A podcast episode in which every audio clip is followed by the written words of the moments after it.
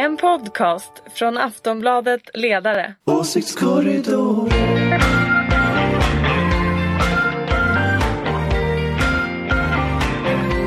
Ja, hej och välkomna till Aftonbladet Ledares podd Åsiktskorridoren. Och jag heter då inte Fredrik Virtanen som brukar vara programledare för Fredrik Virtanen, han skubbar och har stannat i Stockholm. Utan jag heter Anders Lindberg från Aftonbladets ledarredaktion. Eh, Och idag så har vi med oss Sara Skyttedal som är kristdemokratisk kommunpolitiker från Linköping. Mest känd för att ha sänkt hela decemberöverenskommelsen som ordförande i Kristdemokratiska ungdomsförbundet. Vi har också med oss Karin Pettersson, politisk chefredaktör för Aftonbladet och Jonna Sima, kulturredaktör för Arbetet. Välkomna hit! Och du, och du heter? Och jag heter Anders Lindberg då, inte Fredrik Virtanen. Jag bär samma klänning som när jag fällde decemberöverenskommelsen faktiskt. Jag är lite på. Nu. Jag bär samma klänning som när jag fällde decemberöverenskommelsen så att det är extra... Ska vi lotta ut den efter? Nej, jag Ska vi, och jag har då inte en champagneflaska utan en flaska vatten istället, så det är lite B här jämfört med den stämman. Eh, vi tänkte börja med nazister, tänkte vi prata om. Nazister. Eh, och då är ju ganska många som bojkottar eh, Bok och biblioteksmässan. Eh, vi har Expo som bo- bojkottar, ETC som i sin monter har en liten skylt om att de bojkottar. Eh, så min fråga till dig Jonna, det är vad gör du här? Eh, ja, på min tidning Arbetet har vi tagit lite olika beslut faktiskt. Eh, jag är här som kulturredaktör och vi har en monter här. Eh, för vi tänker att det är viktigt också att vara här. Eh, att eh, mässan består av massa seminarier, samtal, poddar som det här, men också mänskliga möten. Och är det någonting som är viktigt eh, för att värna vår demokrati så är det just att det demokratiska samtalet fortsätter och att, att vi möts och att åsikter prövas mot varandra. Ja, jag är också här. Aftonbladet är här. Eh, Åsa, som är kulturchef kulturredaktör på Aftonbladet, har ju varit väldigt eh, synlig och tydlig i den här debatten. Det är också ett beslut som eh, hela tidningen står bakom, att vi ehm, vi, vi bojkottar inte utan vi är här. Vi vill inte flytta på oss eh, på grund av eh, ehm, att andra element som vi inte gillar finns, finns i lokalerna. Så att, eh, jag tycker den här debatten dock ska säga är intressant, eh, tycker den är viktig. Eh, det är bra att de här argumenten bryts men för mig känns det också självklart att vara här. Ja, jag är här för första gången och det är inte så att jag kommer bara för att det är nya element i år utan eh, eh, så. Men eh, jag tror att det är viktigt att om man har en bokmässa att det finns, eh, att de som, de goda krafterna som eh, finns kvar, att man är här och ser till att man inte lämnar över det till någon annan. Men det väcker ju starka känslor. Det, det har man ju redan märkt här i, i vår monter att folk kommer fram och vill diskutera den här frågan. Varför är ni här? Eller varför är inte vissa här? Eh, så att det är något som kommer prägla såklart hela mässan. Det finns ju på Bokmässan den här tidningen som heter Nya Tider som ju tidigare hette Nationell Idag som ju har kopplingar eh, in i liksom, den allra värsta extremhögern. Eh, ty, vad tycker ni? Ska de få vara här på Bokmässan?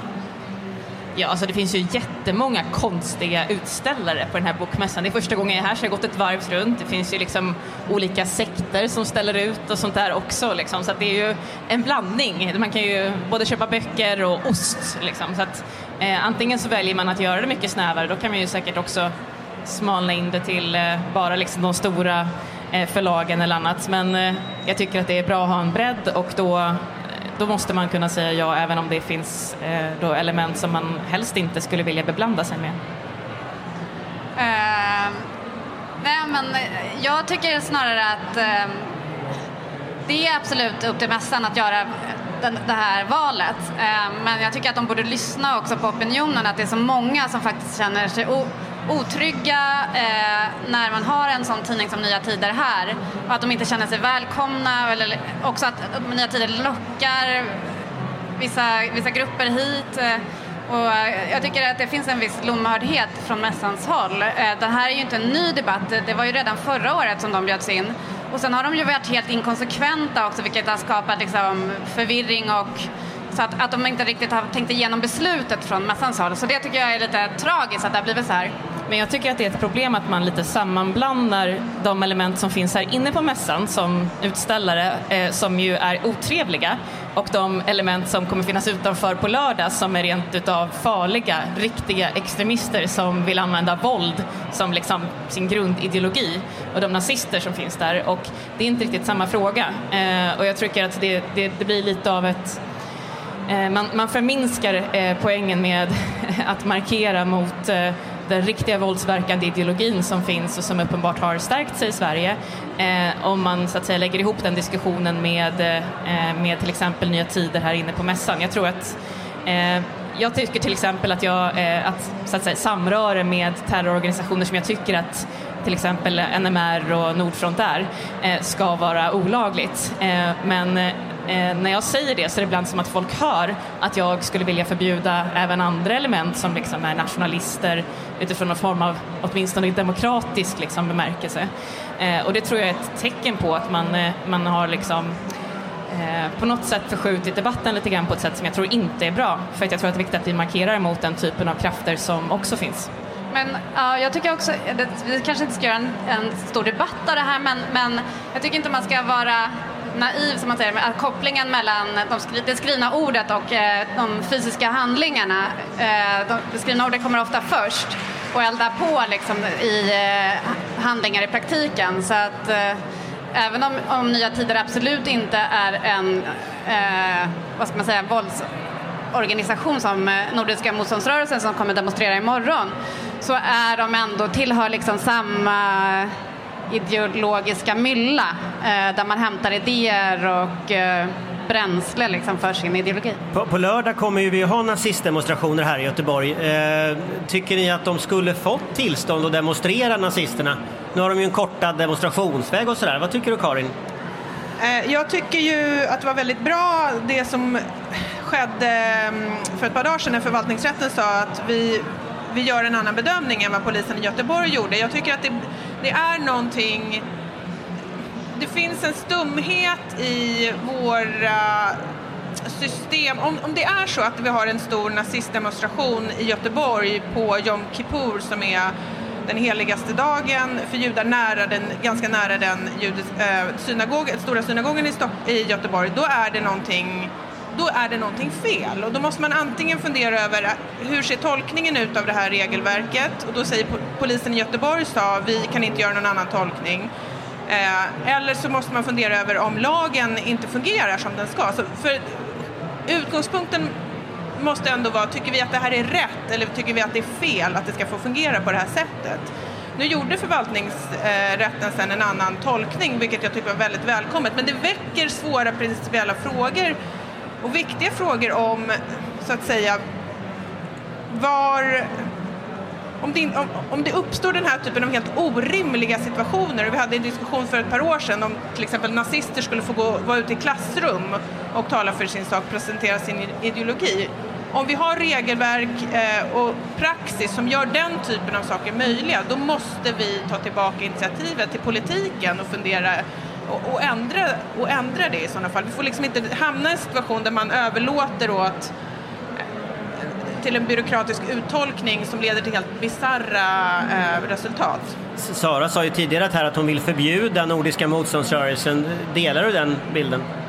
Att vill du förbjuda dem som organisation? Jag vill förbjuda den typen av eh, eh, så att säga, samorganisering. Det här är inte vilken typ av ideologi Nej. som helst. Det är liksom, utifrån ideologin så motiverar man att använda hot, terror, mord, våld för att ta makten. Det är inte liksom att man, ja, man vädrar lite nya åsikter Nej. som man sen kan rösta om fritt, utan det här är rörelser som vill använda helt antidemokratiska medel för att ta över samhället på olika steg. Och nu har man ju fått tillstånd, man säger sig också vilja pröva det nya tillståndet och det nya regelverket med den gång man ska gå.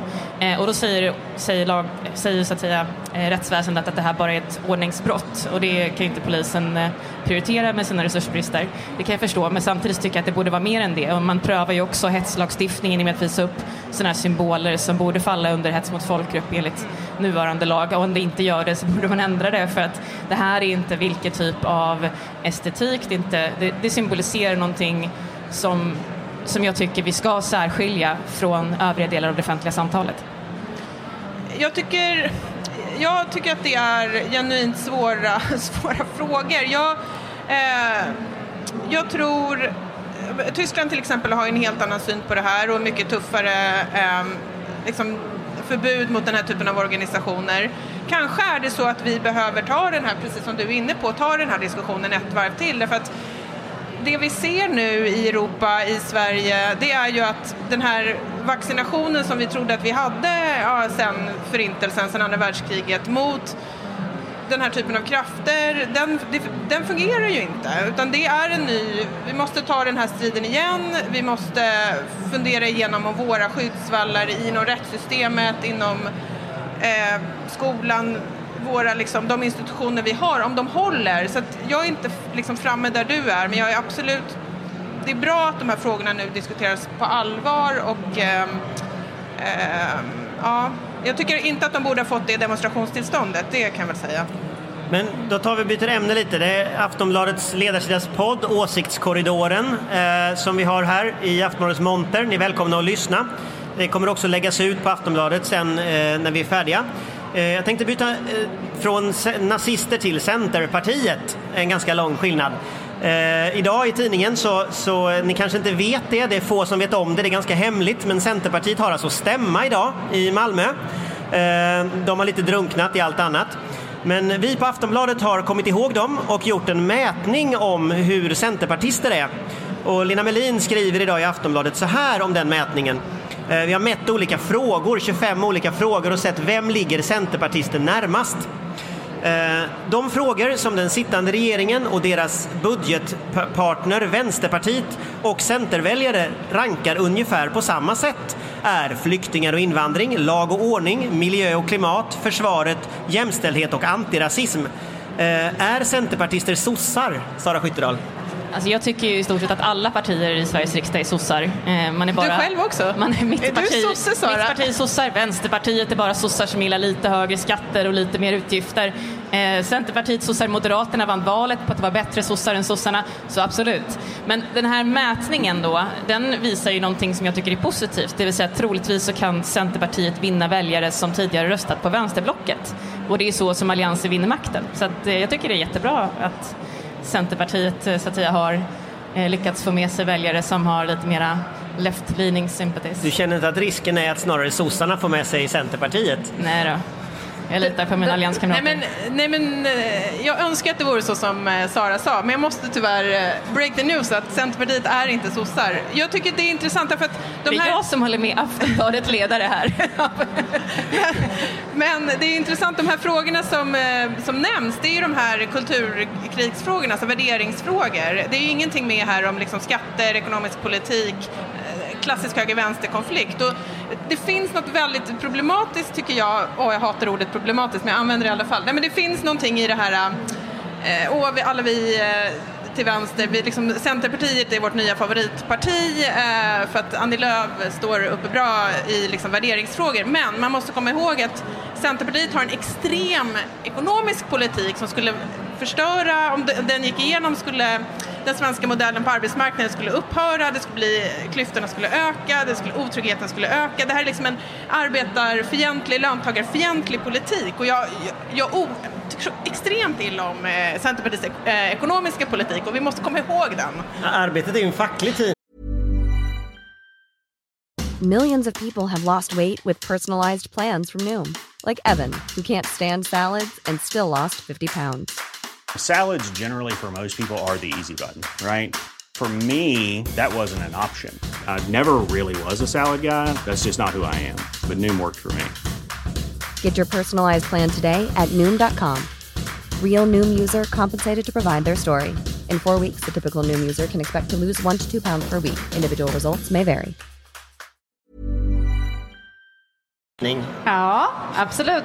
Eh, LO-ägd till och med. Men eh, eh, nej, alltså det finns ju få, eh, det finns nog ingen eh, svensk partiledare som är så sossefientlig som Annie Lööf. Hon har ju definitivt stängt dörren till att eh, bilda regering med Stefan Löfven säger hon ju fortfarande. Men hon verkar ju gå lite i otakt med eh, sina väljare.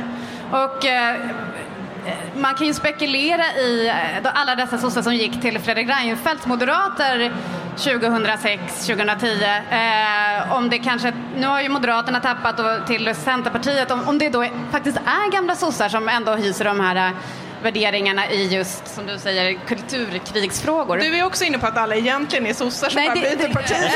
Det det- liksom- det, det- brukar vara din käpphäst. Alla är egentligen sossar, de har bara inte va- sett ljuset än. Nej, men eh, så, så, de, de är inte, inte riktigt som sossar, men det, det, det, jag tycker det är mm, viktigt också att Idag blir nästan så här den politiska diskussionen, är, är- man rasist eller är man antirasist? Vi har nästan hamnat där. Eh, och det är en farlig eh, väg för liksom, den samhällsklimatet för att då tappar vi de eh, ekonomisk-politiska frågorna och höger-vänster-skalan.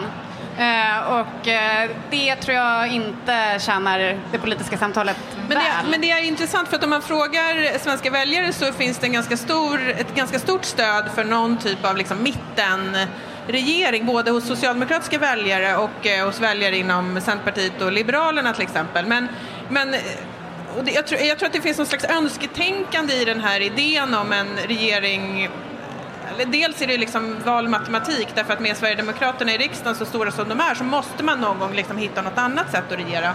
Men eh, det finns också ett slags eh, önsketänkande från väljarna där man tänker att ja men Centerpartiet de är nog lite i mitten som de brukade vara, vad vet jag, på 80-talet. Men de är inte det om man tittar på deras politik utan de är ett liksom sosseätande, sossehatande löntagarfientligt extremistiskt eh, parti. Okej, sosseätare eller sossar. Du ska ju bilda regering med Centerpartiet. Om Ja. du tycker de är sossar, hur kommer det att gå? Jag är inte helt emot det heller ska jag säga. Men. så här. Ja, även om då Centerpartiets väljare har värderingar och åsikter som eh, ligger mer i närheten av rödgröna liksom, partiers så betyder det ju inte att deras väljare tycker att det är viktigt att Centerpartiet eh, så att säga, samarbetar med, eh, med Socialdemokraterna. Det är uppenbart att Annie Lööf har ju sagt, att, som, som vi varit inne på här, att hon inte vill eh, se en regering med eh, Stefan Löfven som minister. Hon har också sagt att hon vill ha en alliansregering. Och då tycker de här väljarna att det är helt okej att hon ger det beskedet och vill ändå rösta på henne. Så jag tycker inte att det här är så oroväckande som man, som man kanske framhåller det. Eh, jag har inga som helst problem att samarbeta med Centerpartiet. Jag, alltså när jag, jag tror att... du gillar dem jag vill mer och bara, mer, jag vill ju bara längre säga jag det. pratar. Nej men så här. Du vill bara Eh, säga jag att de är tror ju- sossar jag, egentligen. jag tycker fortfarande att eh, Alliansen är liksom den, den, den starkaste åsiktsgemenskapen, värdegemenskapen i svensk politik. Vi har väldigt mycket gemensamt. Det jag menar med att alla är sossar är att i stort sett alla partier omfamnar någonstans någon grundläggande syn på att vi ska ha en stark välfärdsstat, eh, att vi ska ha eh, liksom lite pragmatism och det finns liksom en form av liksom generell liksom, åsikt som de flesta samlas kring. Det finns inte så stora avarter kring de kanske stora liksom, reformfrågorna utan det är ofta förslag som läggs på marginalen och med det menar jag att man är lite sossar. Eh, SVT eh, presenterade idag en, en beskrivning av alla allas eh, skuggbudgetar, eller säger, ja, eh, alla allianspartiets budgetförslag. Och det var ju en skattesänkar, skattesänkar vad ska man säga, skattesänkarrally utan dess like. Alltså, alla vill sänka skatten, men Moderaterna vill givetvis sänka den mest. Eh, och där är Centerpartiet också inne på, och då är det framförallt eh, alla som jobbar och, och som ska då få flera tusen kronor extra i månaden. Eh, så att det, det, jag undrar liksom vilka slags reformer för de här fina mjuka frågorna som Centerväljarna här eh, säger sig tycka vara viktiga. Som de, vad, vad tror de att pengarna ska komma ifrån undrar man? Det var ingen som kunde svara på det. Eh, ja, det här är Aftonbladet Ledarsidas podd, Åsiktskorridoren, eh, som är här på Bokmässan och sänder. Eh, vi har med oss idag Sara Skyttedal som är från Kristdemokrat, eller Kristdemokrat, eh, Karin Pettersson som är, är politisk chefredaktör för Aftonbladet och Jonna Sima från Arbetet. Vi går vidare till nästa fråga. En sak som har dominerat nyhetsflödet i veckan det är ju den här SD-skandalen eh, som har varit. Och eh, det handlar ju då ytterst om en, en eh, SD-ledamot, Hanna Wig, som anklagar en annan ledamot eh, för, för eh, ett sexuellt övergrepp i riksdagsgruppen. Eh, man är naturligtvis oskyldig tills motsatsen är bevisad och det har då in, in, eh, kommit en, en polisutredning om detta. Men man kan ju ändå se hur Sverigedemokraterna har hanterat den här frågan. Eh, hur man har hanterat Hanna Wig eh, och jag tittade lite på nätet nu så ser jag att en enorm kampanj mot henne på internet som pågår. Eh, och min fråga då till, till er den är liksom är det här SDs partikultur vi ser eller är det en enskild händelse vi ser eller vad är det egentligen? Sara? Ja, nej, men jag tycker att det, det är ett tecken på att man inte har en sund partikultur, att man inte tar en sån här anklagelse och en anmälan som har gått till partisekreteraren på allvar. Det säger väldigt mycket om hur partiet fungerar. Eh, sen så tror jag inte att det här kommer ha några stora liksom, någon stor påverkan på deras opinionssiffror. Det är inte, det är inte därför man, så att säga, om de, man skräms bort av sånt här så har man redan skrämts bort från det partiet för det finns tillräckligt mycket andra incidenter som eh, inte passar in i ett, ett liksom sunt politiskt klimat. Anna? Eh, nej men det är ju absolut inte ett enskilt, eh, enskilt eh, exempel bara utan det har ju varit eh, många kvinnor bara under den här mandatperioden som har hoppat av, bland annat Jimmie Åkessons egen svärmor som vittnar liksom om den här grabbkulturen och att, eh, att det är otroligt toppstyrt och det liksom är väldigt svårt att komma in i, i, i den gemenskapen. Eh, och eh, Hanna Wik säger ju själv att hon skulle aldrig liksom kunna rekommendera eller eh, sin, e-, sin egen dotter att rösta på Sverigedemokraterna för att det är så mans grisigt parti. Eh, och det är ju, det är ju många, det finns ju också i politiska sakfrågor där de har direkt kvinnofientlig politik. Eh, så att, eh, ja, det överraskar tyvärr inte att sånt här finns. Jag tror, att, jag tror att man måste se Sverigedemokraterna och den här typen av partier som finns i, i många andra länder. Det är liksom en, på ett sätt en slags eh, manlig eh, identitetspolitik på många sätt. Det är liksom en reaktion, eh, man står för en väldigt liksom traditionell kvinnosyn, det är en väldigt nostalgisk syn, man tittar på eh, såna här abortfrågor, föräldraförsäkringsfrågor. Det, det, det går liksom igen att man vill tillbaka till tillbaka i tiden med mer traditionella liksom, i, i botten könsroller. Och eh, på ett sätt tror jag att de här partierna är också en reaktion på liksom, eh, kvinnornas utträde på arbetsmarknaden, på en stark eh, kvinnorörelse i många länder som eh, som nu liksom möter sitt motstånd i, i det här. Så jag tror ändå, och sen är det såklart hur liksom den här partiledningen och själva Sverigedemokraterna fungerar i Sverige där partiet är väldigt toppstyrt. Det är ett litet gäng liksom killar, män som känner varandra sedan länge, som bestämmer allting, som har total kontroll över partiet, som inte släpper in andra och som, eh, som sätter den här kulturen. Men jag tror också att man kan göra den här lite större liksom, beskrivningen av vad det här är en del av för Ja, för trend eller för... Ja, De förlorade histor- manliga privilegierna brukar man ju prata om. Ja, jag vill ändå markera lite mot att jag tror inte att det faktum att Sverigedemokraterna inte vill kvotera föräldraförsäkring är någonting som så att säga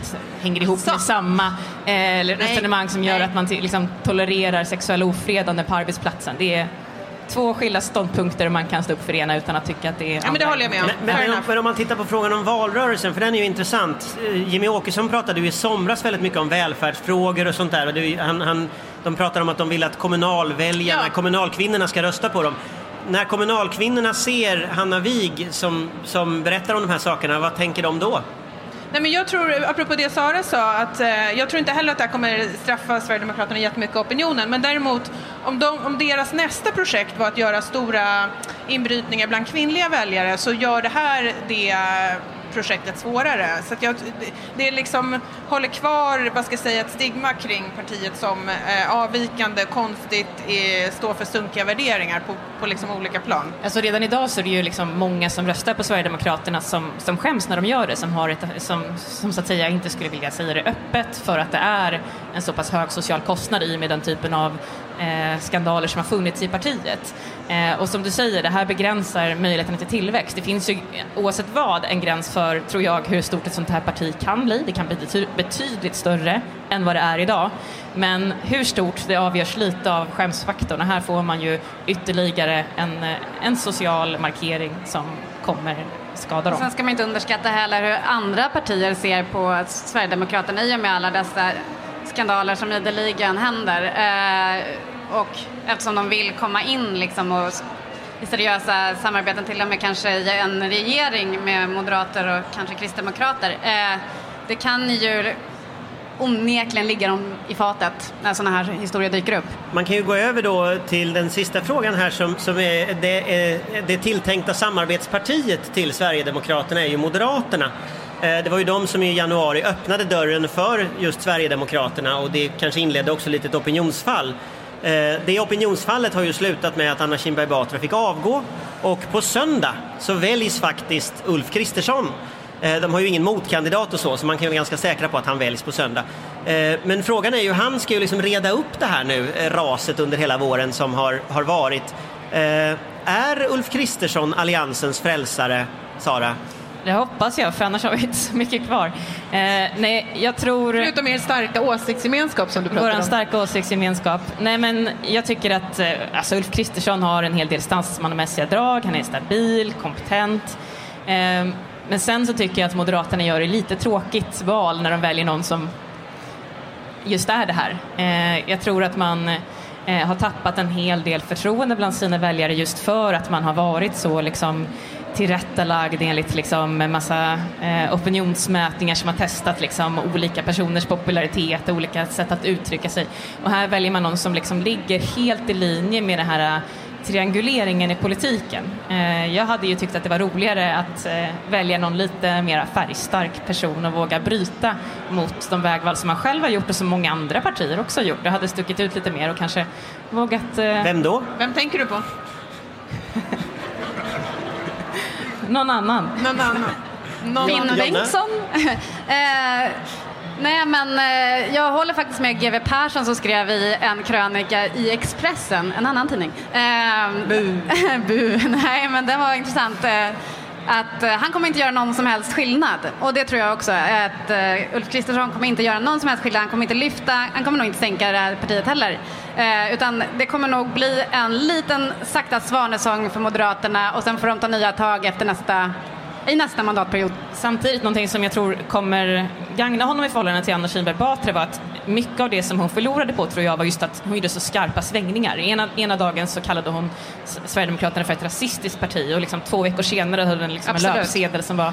Och han har ju varit tydlig från början att han står bakom den linje som redan råder eh, och kommer då inte göra den här typen av skiftningar som jag tror faktiskt Nej, men och sen måste man säga att han är, Ulf Kristersson är en väldigt mycket skick väldigt mycket skickligare eh, debattör än vad Anna Kinberg Batra är. Jag tror, att, jag, nej men jag tror att eh, Sara, jag tror att ditt eh, parti kan få problem med Ulf Kristersson för han är väldigt så här, mysig och eh, han har en liksom mjuk, lite så här compassionate conservatism framtoning som jag tror kan straffa Kristdemokraterna. Men vi får se. Ja, jag Då- tror att då- andra, jag tror att hade de valt det som jag hade önskat så hade vi straffats mer faktiskt. Aha, så jag är okej. glad ur egoistisk Då, synpunkt. då, ta, då tackar vi för det. Kaptenen på Titanic säger steady as we go. eh, och så får vi önska Moderaterna lycka till med det här valet. Eh, då är det färdigt för idag med Åsiktskorridoren, eh, Aftonbladets ledarsidaspodd. Tack så mycket Sara Skyttedal, Karin Pettersson, Jonna Sima Och Anders Lindberg. och Anders Lindberg som inte heter Fredrik Virtanen. Och nästa vecka är vi tillbaka igen. Åsiktskorridoren